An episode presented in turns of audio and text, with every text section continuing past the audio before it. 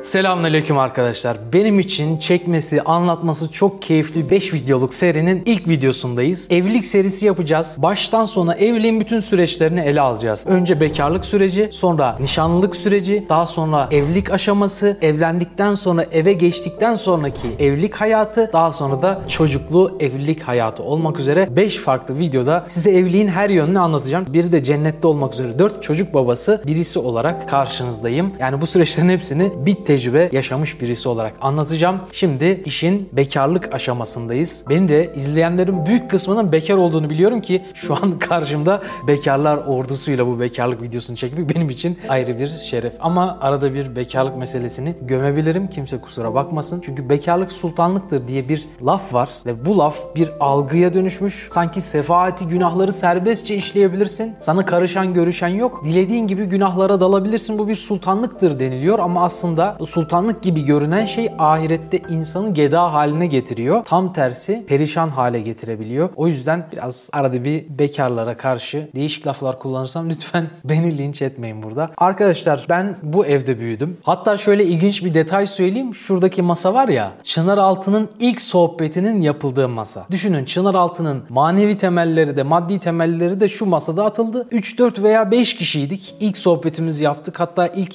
3-4 sohbeti de burada yaptık.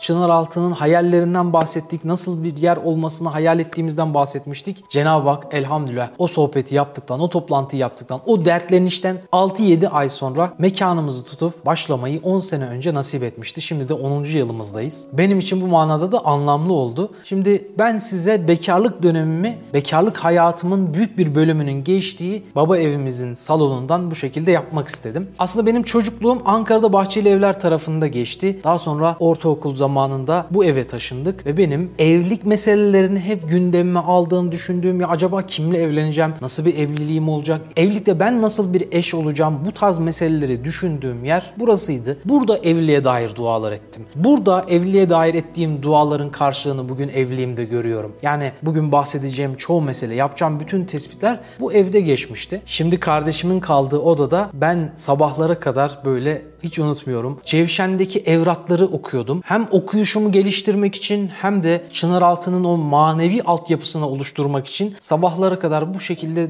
niyazda bulunuyordum. Cenab-ı Hakk'a bu hidayet pınarını, bu hidayet merkezini bana nasip etmesi için, bu büyük nimete beni mazhar etmesi için dualar ediyordum. Ve o dualar esnasında da aklıma bazen geliyordu. Acaba evliliği bu planın içine koysam mı? Koysam nasıl olur? Evlenir miyim? Evlenirsem nasıl bir eş benim bu hayatıma destek olabilir? Bu tarz şeyleri düşündükçe ona göre dualar ediyordum. Herkesin hayatta yürüdüğü yol, yürüdüğü kulvar farklı olabilir ama şunu kesinlikle başta söyleyeyim arkadaşlar. Bu videoda dediğim gibi bekarlık sürecini konuşacağız. Bu videoda aslında manevi çeyiz hazırlamayı konuşacağız. Hani evlilik adayı belli olmadan önce aileler ne yapar? Erkek de olsa hatta öyle bir adet de var. Erkeğe de çeyiz hazırlayanlar var. Özellikle kız çocuklarına çeyiz hazırlanır değil mi? Bu video aslında manevi çeyiz videosu arkadaşlar. Bu videoda çeyiz oluşturacağız ama oluşturacağımız çeyizdeki hiçbir şey ne altınla ne gümüşle ne elmasla ölçülebilecek şeyler. Bunlar onların çok daha ötesinde manevi elmaslar hükmünde olan manevi çeyizler. Yani sizler evliliğe hazır mısınız? Evlenmeyi istiyor olabilirsiniz. Fiziksel olarak evliliğe hazır olabilirsiniz. Asla ve asla biyolojik ve fiziksel olarak evliliğe hazır olan bir insan mental olarak, ruhsal olarak, duygusal olarak evliliğe hazır değilse evliliğe hazır mısın sorusunun cevabı aslında değilim olması gerekir. Fakat tam tersi pek çok insan mental açıdan hazır olmadığı halde fiziksel olarak belli bir aşamaya geldiği için, şehvet duymaya başladığı için evliliğe kendini hazır zannediyor ve atılan adımlar yanlış olabiliyor. O yüzden evliliğin en uygun yaşı nedir derseniz aslında o sorumluluğu kaldırabilecek, o olgunluğu anlayabilecek, evlilik için gereken biraz sonra sayacağım manevi kriterleri karşılayabilecek seviyeye geldiysen 18 yaşında da evlenebilirsin, 19 yaşında da evlenebilirsin, 20 yaşında veya 30 yaşında da evlenebilirsin. Mesele evliliğe manevi çeyizini hazır olarak girmek. Peki buna nerede başlayacağız? Ne zaman başlayacağız? Bugünden başlayacaksın. Hatta annen baban şuurluysa sen anne karnındayken bu manevi hazırlığı yapmaları lazım. Yani kendileri pop şarkıları, haram müzikler dinlemek yerine Kur'an dinlemeyi, günah kazandıran şeyleri izlemek yerine Allah'ı hatırlatan şeyleri izlemeyi, konuştukları zaman insanı Allah'tan uzaklaştıran şeyler değil de insanı Kur'an iklimine sokan şeyleri konuşmaya başladıkları anda seni manevi çeyiz noktasında hazırlıyorlar demektir. Daha sen dünyaya gelmeden. Elbette maddi ve manevi her şey birbiriyle ilintili ve bağlantılı. Hani Efendimiz Aleyhisselatü Vesselam diyor ya kim evlenirse imanının yarısını muhafaza etmiş olur. Kalan yarısı için de Allah'tan korksun. Biz aslında topluma baktığımız zaman bize mesaj atanlara, bizimle konuşanlara baktığımız zaman günaha girenlerin, gaflet hayatı yaşayanların büyük bir kısmı hatta diyebilirim ki %95'i bunu bekarlık hayatında yaşıyor. Demek ki manevi çeyiz hazırlama gibi bir sorumluluk insanımızda daha oluşmamış. Yani evlilik öncesi aslında insanın kendine evliliğe hazırlaması lazım. Şu algının kesinlikle yanlış olduğunu tespit edebiliriz. İnsanlar zannediyorlar ki yapacağım evlilik beni düzeltir. Hayır, böyle olmuyor. Eğer senin kalbinde, ruhunda hastalıklar varsa, eğer sen şehvet konusunda, Allah'a kulluk konusunda bazı şeyleri oturtamadıysan evlilikte de bu yanlışlıklar devam ediyor. O yüzden şimdiden düzeltmen lazım. Şimdiden kendini adapte etmen lazım. Önce isterseniz birkaç soruya cevap vereyim. Sonra ben kendi bekarlık hayatımı, bu evde yaşadığım o bekarlık hayatımı biraz aralarda bahsedeyim size ve adım adım ilerlemeye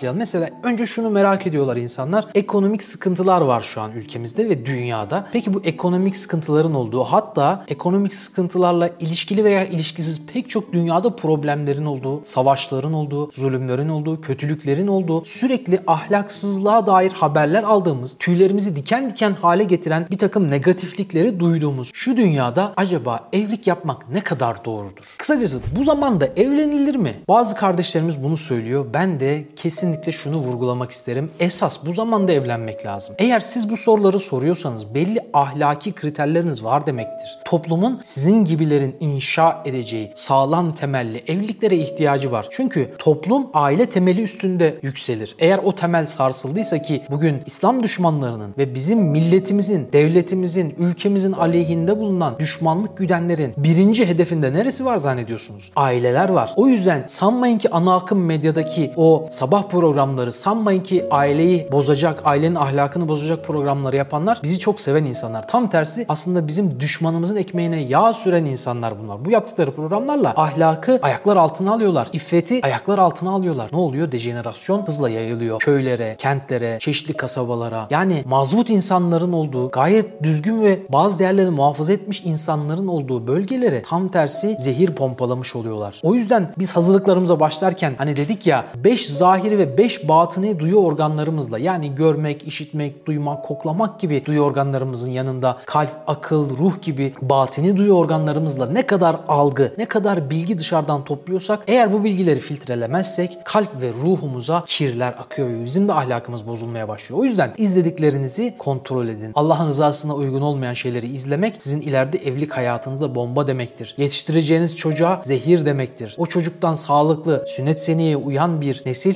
bekleyemeyiz. Öyleyse neye dikkat edeceğiz? Dinlediğimize, duyduğumuza, konuştuğumuza, yediğimiz lokmaya, izlediğimize. En önemlisi de bu. İzlediğimize dikkat edeceğiz. Bu bizim evliliğe karşı yapacağımız birinci hazırlık olsa gerek. Dediğim gibi evlilik meselesi ümmetin inşası meselesi. Bu aslında manevi bir misyon. Yani toplumu inşa ediyorsun, nesil inşa ediyorsun. En önemli müessese. O yüzden ona romantizmle bakarsan yanılabilirsin. Yanlış adımlar atabilirsin, yanlış kararlar alabilirsin. İleride seçeceğin eşini romantizm gibi toz pembe bir gözle bakarak hani derler ya aşkın gözü kördür. İngilizce'de de bu çok yaygındır. İngilizlerin atasözü gibi kullandığı love is blind. Yani aşkın gözü kördür. Evet gerçekten hadiste de bu geçiyor. Hem gözü kördür, hem kulağı sağırdır, hem de insanı akli melekelerden yoksun hale getirir diye biz rivayetlerde okuyoruz. Gerçekten de böyle. İnsanın doğru karar almasına engel oluyor. Demek ki biz surete değil, sirete bakacağımız bir hazırlığa girmemiz lazım. Yoksa eş adayıyla konuşacağımız gün geldiğinde ne konuşacağımızı bilebiliriz, ne nasıl davranacağımızı bilebiliriz, nasıl olaya yaklaşacağımızı bilebiliriz. Biz olayı sadece ekonomik bazda değerlendirirsek, yani bu zamanda evlenilir mi dersek, evliliği sadece maddiyat üstüne kurulan bir müessese zannedersek çok yanılırız. Evlilik aslında bir misyon dediğim gibi. Hem de kutsal bir misyon. Ümmet binasını biz bu temele koyarak inşa ediyoruz. O yüzden mevzunun mühim olduğunu anlayalım. Düşünün bütün insanlığın serüveni bir evde bir evlilik üzerine başlamadı mı? Hz. Adem'le Hz. Havva'nın evliliği üstüne insanlık hayatı ve serüveni başladı. Bütün imtihanlar bunun üzerine başladı. Ama bekar kardeşim şunu çok iyi bilmelisin. Evlilik imtihanları ortadan kaldıran bir şey asla değildir. Evlilik imtihanın farklı bir boyutudur. İmtihan devam eder. Bütün sorunların evlilikle çözülmez. Evlilikle farklı bir dayanışma içinde sorunlarla yüzleşme dönemi başlar. İkisinin de yeri başkadır, ikisinin de değeri başkadır. Bekarlık eğer iman dairesinde yaşanırsa sultanlıktır. Günahlara serbest girme açısından sultanlık değildir. Ama evlilik evlilik de eğer Allah'ın rızası çerçevesinde kurulur ve tesis edilirse esas sultanlık odur. Dolayısıyla biz kazandıran bir evliliği seçmek için doğru psikolojiyi ve zihni ve şuuru oluşturmak için bu videoyu çekiyoruz. Yani bu birinci videonun amacı şuuru oluşturmak, evliliğe hazır bir şuur inşa etmek, ruh inşa etmek, kalp inşa etmek. Hani dedik ya imanın yarısını evlilik kurtarır. Ama yanlış bir eş seçersen elinde yarım kalan imanın da elden gider. O yüzden doğru seçimleri yapmak adına tabii ki imtihan kısmını bir kenara ayırarak söylüyorum bunu. Bu videoda konuşacağımız şeyler çok önemli. Dikkatle dinlemeni tavsiye ederim. Mesele o kadar mühim ki bir defa neden evlenilmesi gerektiği bile insanlar tarafından yeteri kadar anlaşılmış değil. O yüzden insanlar bir şuur altyapısını oluşturmadıklarından, manevi çeyizlerini oluşturmadıklarından bugün bakıyorsunuz. Arkadaşlar korkutucu bir şey söyleyeceğim. Araştırın şu an boşanma oranları evlilik oranlarını geçmiş durumda. Bu çok işler acısı bir şey. Yani evlenen insan sayısından daha fazla boşanan insan sayısı var bir yıla vurduğumuz zaman. Bu sizi korkutmuyor mu? Toplum nereye gidiyor? Bu savrulmadan sen ben de etkileniriz. Bizim çocuğumuz da etkilenir. Çünkü aynı toplum içinde yaşıyoruz. Kaçacak bir yerimiz yok ki. Mağarada yaşayamayız ki. Komşumuzun mutsuzluğu bizi de etkileyecektir. Akrabamızın mutsuzluğu bizi de etkileyecektir. O yüzden bütün toplumun mutluluğuyla sorumluyuz. Bu çok önemli bir nokta. Şimdi bekar kardeşim evlilikle ilgili meseleleri düşündüğü zaman aklına birinci planda maddi meseleler geliyor. Evet maddi meseleler önemlidir ama en önemli mesele değildir. Elbette ki önem yeri vardır. O yüzden buna dair bir hazırlık yapmanın faydası var. Ama tabii ki gönüllerin bir olması önemlidir. Bu noktada eğer beni izleyen anne baba varsa onlara seslenmek istiyorum. Bakın gençlerin en büyük sorunu ekonomik sorunlar. Özellikle biraz burada böyle sanki ışıkları böyle karartın. Ben akrabalara biraz kızmak istiyorum. Normalde benim kızdığımı gördünüz mü? Çok pek kızan bir insan değilimdir değil mi? Biraz sakin fıtratım var. Biraz da yumuşak huylu olduğum söylenir. Ama bazen de damarıma dokunduğu zaman sinirlenebiliyorum. Şu an damarıma dokunulmuş hissediyorum. O akrabalar var ya o akrabalar. Ya siz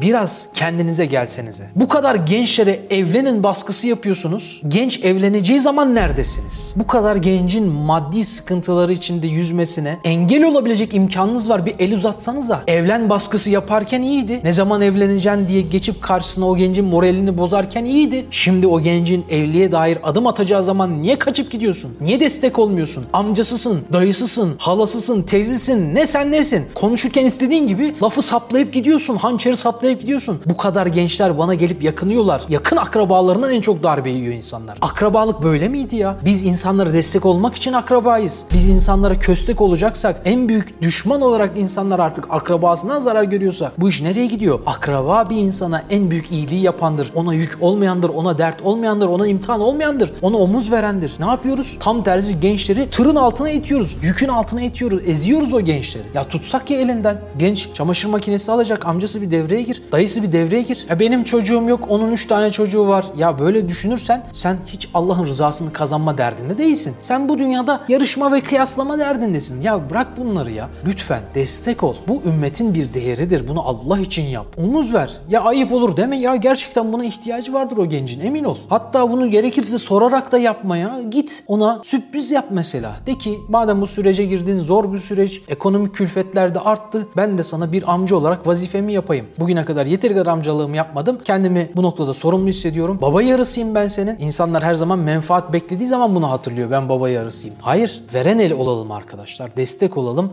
Etrafımızdaki gençlere yardım edelim. Gençlerin en büyük sorunu ekonomik soru işaretleri. Bunları çözmek için toplum olarak hepimizin üstünde sorumluluk var. Bunun da birinci noktası akrabalıktan başlar. Tekrar ışıkları düzeltelim. Gençlere yönelik bir şey söylemek istiyorum. Gençler beklentilerinizi düşürün. Bakın biliyorum diziler, filmler izliyorsunuz. Bunların içinde pek çoğu haramlı şeyler. Bu tarz haramlı aşk hikayeleri izleyince siz de o ana karakterin girdiği role girmek istiyorsun. O ana karakter gerçek hayatta bekar, iki defa boşanmış, mutsuz, alkolik. O sana rol oynuyor orada. Öyle bir hayat yok. Ama onların o süslü püslü paket haline sen de o hediye paketine aldanıyorsun. Ah diyorsun o karakter gibi olmalıyım. İşten içe bunu düşünüyorsun. O yüzden sen de ahlakı, sireti çok güzel bir kızın sureti o izlediğin filmdeki kadar güzel değil diye reddediyorsun. O kız da evde kalıyor, sen de evde kalıyorsun veya sureti güzel ama ahlakı bozuk bir kızla evleniyorsun. Sırf manken gibi diye evlenip de çevremde pek çok mutsuz insan görüyorum. Sabah akşam karısıyla didişiyor. Çünkü hiç ahlakı kendisiyle uyumlu mu diye bakmamış. Sürekli kıskançlık krizleri yaşıyor. Bu da ayrı bir boyut. Şimdi elbette insanın hem sureti hem sireti güzel olur. Hani böyle bir şey nasip olur. O Allah bağışlasın. Nurunu ala nur. Ama arkadaşlar bizim daima beklentimiz surete değil sirete yönelik olmalı. Biz daima ahlakı öncelemeliyiz ve ona bina etmeliyiz etmeliyiz. Bakın çok önemli bir bölüm. Hemen sizinle paylaşmak istiyorum. Kadın ve erkek ortasında gayet esaslı ve şiddetli münasebet, muhabbet ve alaka yalnız dünyevi hayatın ihtiyacından ileri gelmiyor. Yani biz sadece bedensel ihtiyacımızı karşılamak için evlenmiyoruz. Bekar olarak önce kardeşim bunu çok iyi bilmelisin. Evet bir kadın kocasına yalnız hayatı dünyeviye mahsus bir refikayı hayat değildir. Sadece bu hayatta yol arkadaşı değildir. E nedir öyleyse? Belki hayatı ebediyede, sonsuz hayatında, ebedi hayatında bir refikayı hayattır diyor. Yani bir hayat arkadaşı. Sadece bu dünya değil, iki dünyada da. Özellikle ahirette sana hayat arkadaşı olacak birisini kendine eş olarak seçmen lazım. Şimdi bekar kardeşim artık pilava kaşık saplamaya başladın. Hatta yetmedi, babam fark etmedi, tarlaya kürek saplamaya başladın. Artık hani evlenme sinyalleri vermeye başladın. Hem kendinde hem ruh halinde bu paylaşıma ihtiyaç duyma hissiyatını hissetmeye başladın. Ne yapacaksın? Hemen anne babana, aile büyüklerine gideceksin. Eğer aile büyüklerin sana bu noktada destek olabilecek bir noktada değillerse, mesela sen kendine imanlı bir eş istiyorsun ama annem baban imandan bir haber. Öylesine yapacaksın. Çevrende elbette ki evli bazı insanlar vardır. Onlara bu durumu bildireceksin. Diyeceksin ki bana böyle benim kıstaslarımda, benim beklentilerimde, benim hassasiyetlerimde bir eş adayı bulma noktasında aracı olabilir misiniz? Sağlıklı evliliklerin pek çoğu emin olun böyle evli olan gençlerin kendi arkadaşlarına, bekar arkadaşlarına aracı olmalarıyla oluyor ve elhamdülillah çok sağlıklı ilişkiler kurulduğunu görüyoruz. O da yoksa bir cami imamına veya o bölgedeki bir din görevlisine, bir müftüye gidip hakikaten bu konuda dertleşebilirsiniz ve benim böyle çevremde aracı olabilecek kimse yok. Bana bu noktada aracı olabilir misiniz? diyebilirsin. Ama bu konuda aceleci olma. İnsan nasıl aceleci olur? Hırsla ister bir şeyi. O hırsla istediği için karşı tarafın özelliklerini doğru değerlendiremez. Doğru tartamadığı için de yanlış kararlar alabilir, yanlış adımlar atabilir. Bu sefer o evlenme hırsıyla konuştuğu için karşı tarafın verdiği negatif sinyalleri görmez. Hani derler ya aklı bir karış havada bu şekilde baktığı için problem olabilecek sinyalleri görmez, görmezden gelmeye çalışır. Evlenince düzelir der ama evlenince bir bakmış hiç düzelmediği gibi sorunlar çoğalabilir. O sinyalleri iyi okumak lazım. Küfüf olup olmadığına, denk olup olmadığına dikkat etmek lazım. Şimdi bazı bekar kardeşlerim özellikle yaşları biraz daha ilerlemeye başlayınca artık evlilik fikrinden vazgeçip ben halimden memnunum, kurulu düzenim var, bunu bozmak da istemiyorum diyor. Neden evleneyim diyor. Şimdi neden evleneyim sorusuna aslında 18 yaşındaki bekar kardeşimin de cevap bulmaya ihtiyacı var. Bir defa hadislere bir bakalım. Gelin beraber hadislerin birkaçını okuyalım. Çok hadis var önümde ama ben birkaçını sizin için seçip okuyacağım. Mesela diyor ki ey gençler sizden evlenmeye güç yetirenler evlensin. Kendi için evlenmek kolay olduğu halde evlenmeyen benden değildir diyor Efendimiz Aleyhisselatü Vesselam. Kimin evlenmeye gücü yetiyorsa evlensin. Çünkü evlilik gözü haramdan alıkoyar ve iffeti en güzel şekilde korur diyor. Demek ki evliliğimizdeki temel şeylerden birisi neymiş? Bizi zinadan alıkoyması, iffetimizi koruması, gözümüzü haramdan korumasıymış. Demek ki ahiretimiz hassasiyetiyle evlenmemiz lazım. Efendimiz Aleyhisselatü Vesselam diyor ya, dört şey için evlenilir. Hadisi bir mana söyleyeyim. Malı için, güzelliği için, soyu için veya dini hassasiyeti için. Siz diyor dini hassasiyetine göre seçin. Dindarlığına göre seçin. Çünkü eğer dış güzelliğine bina edersen işte saçları için, gözleri için, yüzü için, vücudu için evlendikten sonra artık senin için bunlar aşina olduğun, ülfet duyduğun şeyler olunca hep daha güzelini görmeye başlayacaksın. Bu sefer bunu bırakıp ona geçme gibi Allah muhafaza böyle seni haramları sürükleyecek bir sürecin içinde koşacaksın. E servet bugün var yarın yok. Ona bina etmek kadar mantıksız bir şey olamaz. Soy da başlı başına tek başına karar vermek için yeterli değil. Tabii ki bu dört şey için evlenilir diyor Efendimiz Aleyhisselatü Vesselam. Mesela soyu güzel diye tercih edersin. Yüz güzel diye tercih edersin. Bunlar listeden atılmalı demiyorum. Bunlar da olmalı ama esas ne olmalı Efendimizin dediği? Dinine göre. Çünkü Allah'tan gerçek manasıyla korkan bir insan sana karşı da hassas olur, merhametli olur. Peki din yaşantısı ne demek işte? Biz bunu yanlış anlıyoruz. Mesela dinine göre seçmek noktasında biz ne diyoruz? Namaz kılıyorsa tamam. Bir dakika ya onun namazı hakiki bir namaz mı, şekli bir namaz mı? Namazı duruyor ama sadece bu el kol hareketlerinden ibaret mi? Yani ne dediğini bilmediği gibi namaza layık bir istikamette yaşamıyorsa bu gerçek manada bir dindar mıdır? Allah'tan korkmayacak işler yapıyor ama namaz kılıyor. Böyle insanlar var mı çevremizde? Var. Haram yiyor, yalan söylüyor, bazı zulümler yapıyor ama namaz kılıyor. Demek ki namazı hakiki bir namaz olması lazım. Öyleyse onu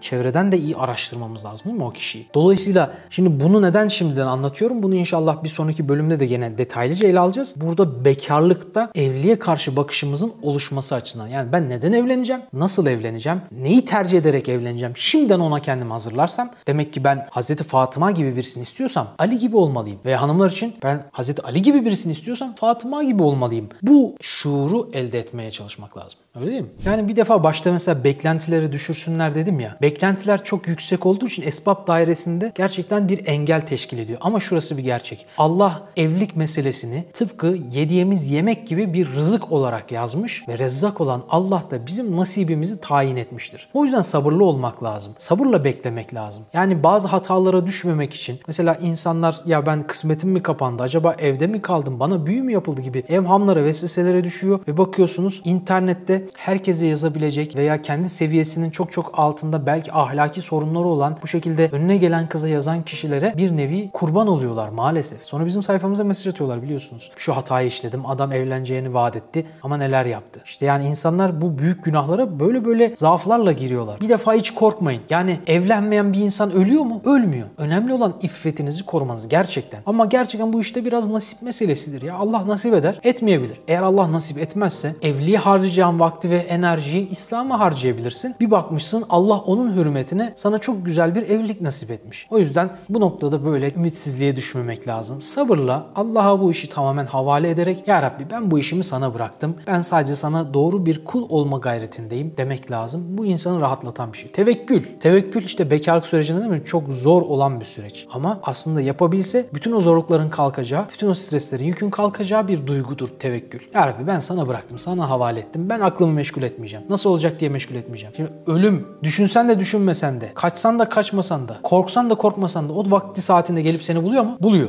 Aynı o şekilde evlilik de öyle. Sen onun stresine girsen de gitmesen de bir saniye ileri, bir saniye geri gitmiyor. Nasip. Cenab-ı Hak onu yazmış merak etmeyin. Kaderinizde yazılı. Evlilik kader meselesi soruluyor ya. Ona inşallah ilerleyen videoda da gene değineceğim. Evlilik kader, her şey kader. Her şey Allah yazmış. Ama evlilik meselesinde senin evleneceğin tarih, kişi Cenab-ı Hakk'ın ilminde. Dolayısıyla rahat ol, rahat ol. Esbab noktasında bütün kapıları kapama. Gittiğin, görüştüğün, istişare ettiğin kişiler olsun. İstihareden önce gelir istişare. Ki ilerleyen videoda gene buna da değineceğim. Mesele o yüzden ümitsizliğe düşmeme. Şimdi gelen sorulardan birisi bu. İdeal eş bulunabilir mi? Bildiğim çok ideal bir eş vardı. Onunla da benim hanım evlendi. O yüzden daha başka var mı bilmiyorum.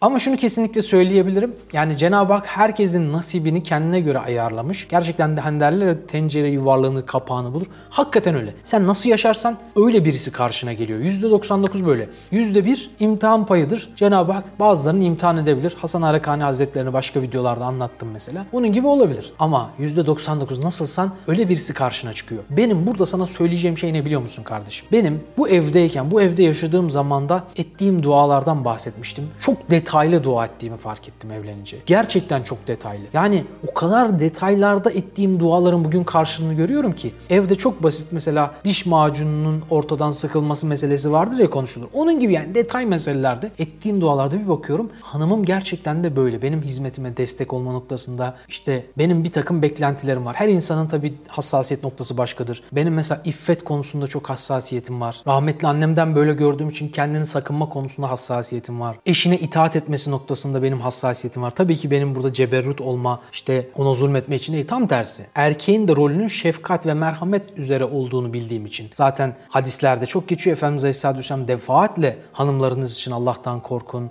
Onlar size Allah'ın emanetidir diye defaatle söylüyor. İnşallah ilerleyen videolarda onları da konuşuruz. Duanı detaylı yap ve kesinlikle sırtını şu yastığa yasla. Hayırlısı yastığı. Hayırlısı diyeceksin. Hakkında hayırlısını isteyeceksin. Çünkü bilmiyorsun. Arkadaşlar flört etmek haram. Bir defa bunu anlayalım. Flört haram. E peki nasıl tanıyacağız? Emin olun 9 sene flört yapmış nice insan biliyorum. Evleniyorlar. Birinci ayında boşanıyorlar. 9 senedir tanıyamamışım diyorlar. Yani flört yapmak, tanımak için yeterli bir şey asla değil. E peki nasıl yapacağız? Arkadaşlar evlendikten sonra tanıyabilirsiniz. Gerçek yüzünü insanlar evlenince ortaya koyar. Hiç kimse kendinin ne kadar problemli olduğunu işte ayağının ne kadar koktuğunu falan ağzının ne kadar koktuğunu bahsetmez. En iyi rolünü oynar değil mi evlilik görüşmelerinde veya flört aşamalarında. E madem bir kişiyi evlendikten sonra tanıyacağız. Tanımak için diye bir bahane altında flört etmek sadece iffetine leke ahiretine zarar. Seni de o karşıdakini de ateşe atmak demektir. Peki ne yapacağız? Öyle bir yaşayacağız ve öyle bir dua edeceğiz ki Allah bize ona göre birisini nasip etsin. Evlilikte en önemli azığın sabırdır. Buna emin ol. Nasıl biri olursa olsun, melek bile olsa beraber yaşamanın getirdiği bazı yükümlülükler vardır. Buna zorluklar diyebilirsin istersen ama ben yükümlülükler diyorum. Bazı kaldırman gereken yükler vardır. Bazı yapman gereken sorumluluklar vardır. Yapman gereken gereken fedakarlıklar var. Bunların hepsi için sana lazım olan azık sabırdır. Eşine asla mesela sesini yükseltmemeye dair şimdiden bekar kardeşim karar alman lazım. Sabırlı olacağım. Eşime sesimi yükseltmeyeceğim. Bağırmayacağım. Kavga etmeyeceğim. Alttan alacağım. O sinirli olduğunda ben alttan alacağım. Ben sinirli olursam da o beni alttan almasa da ben ya ortamı terk edeceğim ama asla ona zarar vermeyeceğim. Onu kırmayacağım. Evliliğimizi çatlatacak hatalar yapmayacağım. Çünkü şeytan hadiste geçiyor. Müslüm hadisi bu. Okyanusun ortasında bir tahtı varmış. Oraya avanelerini toplar ve hepsini belli başlı görevlere gönderilmiş. Çok büyük günahlar işletmek üzere. Şeytanlar akşam toplanır ve baş şeytana sebep oldukları bütün kötülükleri haber verirler. Kimisi içkisi, kimisi zinası, kimisi başka şeylerden bahseder. Şeytan hepsini aferin der ama asas aradığının olmadığını söyler. Sonunda bir kişi bir kadınla bir kocayı birbirine düşürdüğünü, bir evliliği bozduğunu söyleyince şeytan işte kutlamak için aradığım şey buydu der ve ona övgülerde bulunur. Şimdi demek ki şeytanın en sevdiği şey bu. Karıyla kocanın birbirine düşmesi ve aralarının açılması, boşanmaları. Allah'ın en sevmediği helal ne? O da boşanmak. Helaldir ama Allah hiç sevmez. Öyleyse boşanmama üzerine sağlam temellere oturmuş bir evliliği oluşturmanın birinci ayağı ne? Bekarlıktaki senin hassasiyetin. Şimdiden gözünü haramdan korumaya, şimdiden psikolojini hazırlamaya, sorumluluk alma bilinci. Mesela iletişim yetkinlikleri. Çok önemli bir mesele bu. İhmal ediyoruz. Mesela konuşmayı biliyor musun kardeşim? Bu çok önemli. Kitap okuyor musun? Ve konuşmayı biliyor musun? Karşındakiyle konuşabiliyor musun? Onu dinleyebiliyor musun? O konuştuğu zaman sözünü kesmeden dinleyerek ona yardımcı olabiliyor musun? Çoğu insan konuşmayı bilmiyor. Emin olun. Konuşmadığı için çoğu problemler ortaya çıkıyor. Pek çok evlilik konuşmadan direkt kavgaya dönüştüğü için bitiyor. O yüzden önce konuşmayı öğrenmek lazım. Çok güzel bir söz var. Bazen ben de paylaşıyorum. Sadakat henüz tanımadığın eşin için başını önüne eğmen ve harama bakmamandır diyor. Yani evlendikten sonra sadık olacağım değil, şimdiden sadakat göstereceğim deyip daha evlenmeden o müstakbel eşine hazırlık yapmak. Ben eşime temiz gideceğim. Ben eşime kendimi temiz götüreceğim. Elim başkasının eline değmemiş, gözüm başkasının gözüne kaymamış. Gönlüm başkasının gönlüne kaymamış şekilde eşime tertemiz gideceğim diye bir gayretin içinde bulunan bir kimse adeta bu asrın bir evliyalık makamına çıkar. Demek ki evli olmadan önce evliya almak lazım. Ha, bu da güzel oldu. Yaz bunu. O yüzden irade sınavını evlenmeden halletmen lazım. Mesela sen istemez miydin evlendiğin eşin senden başka hiçbir karşı cinsin eline dokunmamış. Senden başka kimseye karşı böyle gönlü kaymamış. İsterdin değil mi? Öyleyse sen de kendini ona göre hazırla. Sadece hep karşıdan bekliyoruz. Karşıdaki böyle olsun istiyoruz. Şu tezat değil mi kardeşim? Hem harama bakıyorsun hem de bakılmamış eş istiyorsun. E eşin sormasa zebaniler soracak kim bu gözlerindeki yabancı diye. Öyleyse bu tezata düşmemek için şimdiden sen bakılmamış eş istiyorsan bak bakmamayı öğreneceksin. Şunu kesinlikle söyleyeyim. Evlilik asla bugünkü sorunlarından bir kaçma yöntemi olmamalı. Bir defa bekarken şunun projesini iyi yapman lazım kardeşim. Senin evin Erkam bin Ebil Erkam'ın evi gibi olacak mı? Yani şöyle düşünmelisin. Ben öyle bir eş seçmeliyim ki benim çocuklarımı adeta Fatih Sultan Mehmet'in annesinin çocuğunu yetiştirdiği gibi. Veya Selahaddin Eyyubi'nin annesinin onu yetiştirdiği gibi yetiştirsin. Ümmeti İslam kahramanı yetiştirme şuuruyla çocuğumu yetiştirsin. Böyle bir eş seçeceğim dersen Allah da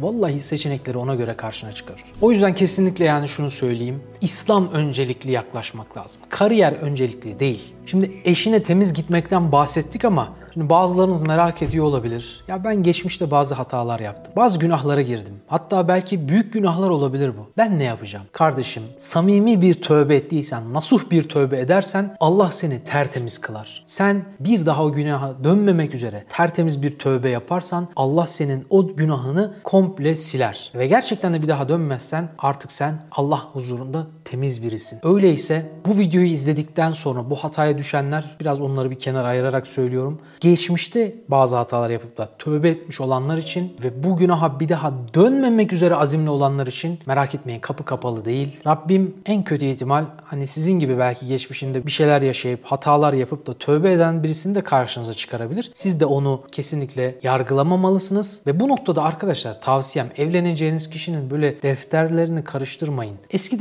defterlerini ortaya dökerseniz çünkü ne oluyor? Günaha şahitlik olmuş oluyor. Asla da zaten kul ile Allah arasında kalması gereken günah başkasına teşhir edilmemeli, şahit tutulmamalı, üstü kapanmalı. Ne siz başkasını sıkıştırın ne de bu noktada başkasını sizi sıkıştırdığında bir tecessüs olduğu için o kapıyı açmayın arkadaşlar. Tövbe edin, geçmişe tövbe etmek yeterlidir. Arkadaşlar son olarak toparlayacak olursak. Bekar kardeşim, evinde oturduğun zaman vaktini heba etmek yerine kendini birazcık ilimle meşgul etsen, birazcık birazcık evlilik için yüreğindeki kütüphaneleri doldurmaya başlasan. Çünkü insanlar biliyorsunuz fotoğraf çekmek için hani ahşaptan bir kitaplık alıp sonra kağıttan yine ağaçtan yapılmış malzemeleri sarf ederek kütüphane oluşturuyorlar ama bir tane kitap içinden seçip okumuyorlar. Çünkü o fotoğrafını çekmek biraz fiyakalı. Yüreğinizdeki kütüphaneyi ne zaman dolduracaksınız? Önce bunu doldurmanız lazım. Önce iman noktasında kendinizi kemalata çıkarmanız lazım. Hep hayaller kuruyoruz. İşte ben eşimi sabah namazına kaldıracağım. Hatta bununla ilgili hadis de var. Birbirimizi teşvik edeceğiz. Beraber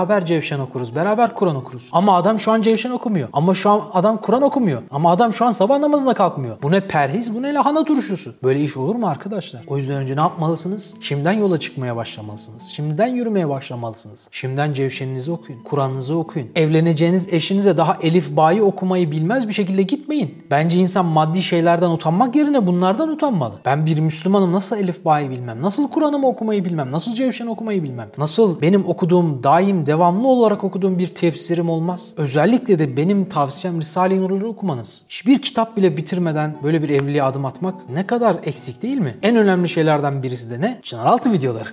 Çınaraltı'nın evliliğe dair nişanlık aşaması veya pek çok aşamada videoları var. Özellikle de bu 5 videoluk seriyi izlemeden evlenme. Bir de bu konuyla ilgili arkadaşlar evliliğe hazır mısın diye bir videomuz vardı. Onu da şuraya ekleyelim. Onu da izleyin mutlaka. O videoda eğer şu özellikler sende varsa evliliğe adım atma diye saydığım bazı şeyler vardı. Mesela merhametli değilsen, konuşmayı bilmiyorsan, sorumluluk almayı bilmiyorsan, fedakarlığa hazır değilsen gibi gibi maddeler sayıyordum. Onu da mutlaka izleyin. Onu da bu videoya adapte ederek, onu da işin içine dahil ederek söylüyorum. Kesinlikle bunları izle ve evleneceğin kişiye de izlet ki hem manevi olarak hem şuur açısından hiçbir boşluk kalmasın ki şeytan o boşluktan giremesin. Kardeşlerim Rabbim dünya ahiret saadetine medar olacak bir evliliği sizlere nasip etsin. Evliliğinizden yayılacak nur bütün alem İslam'a, bütün insaniyete bir halaskar olsun, bir kurtuluş sancağı olsun. Rabbim inşallah boşanma gibi veya boşanmaya sebep olacak şerler gibi şeylerden sizi, ailenizi ve kuracağınız yuvaları muhafaza eylesin. Bekarlığınızda hakiki bir manevi sultanlık eylesin. Bekarlığınızı evliliğinizin bütün gerekli altyapılarını hazırladığınız, bol bol okuduğunuz, kendinizi geliştirdiğiniz, iffetinizi sapasağlam temelleri oturttuğunuz ve nasıl bir evlilik yapacağınızı çok iyi tespit ettiğiniz, nasıl bir eş adayı istediğinizi dualarınızı detaylı olarak belirlediğiniz bir süreç olsun inşallah. Allah'a emanet olun.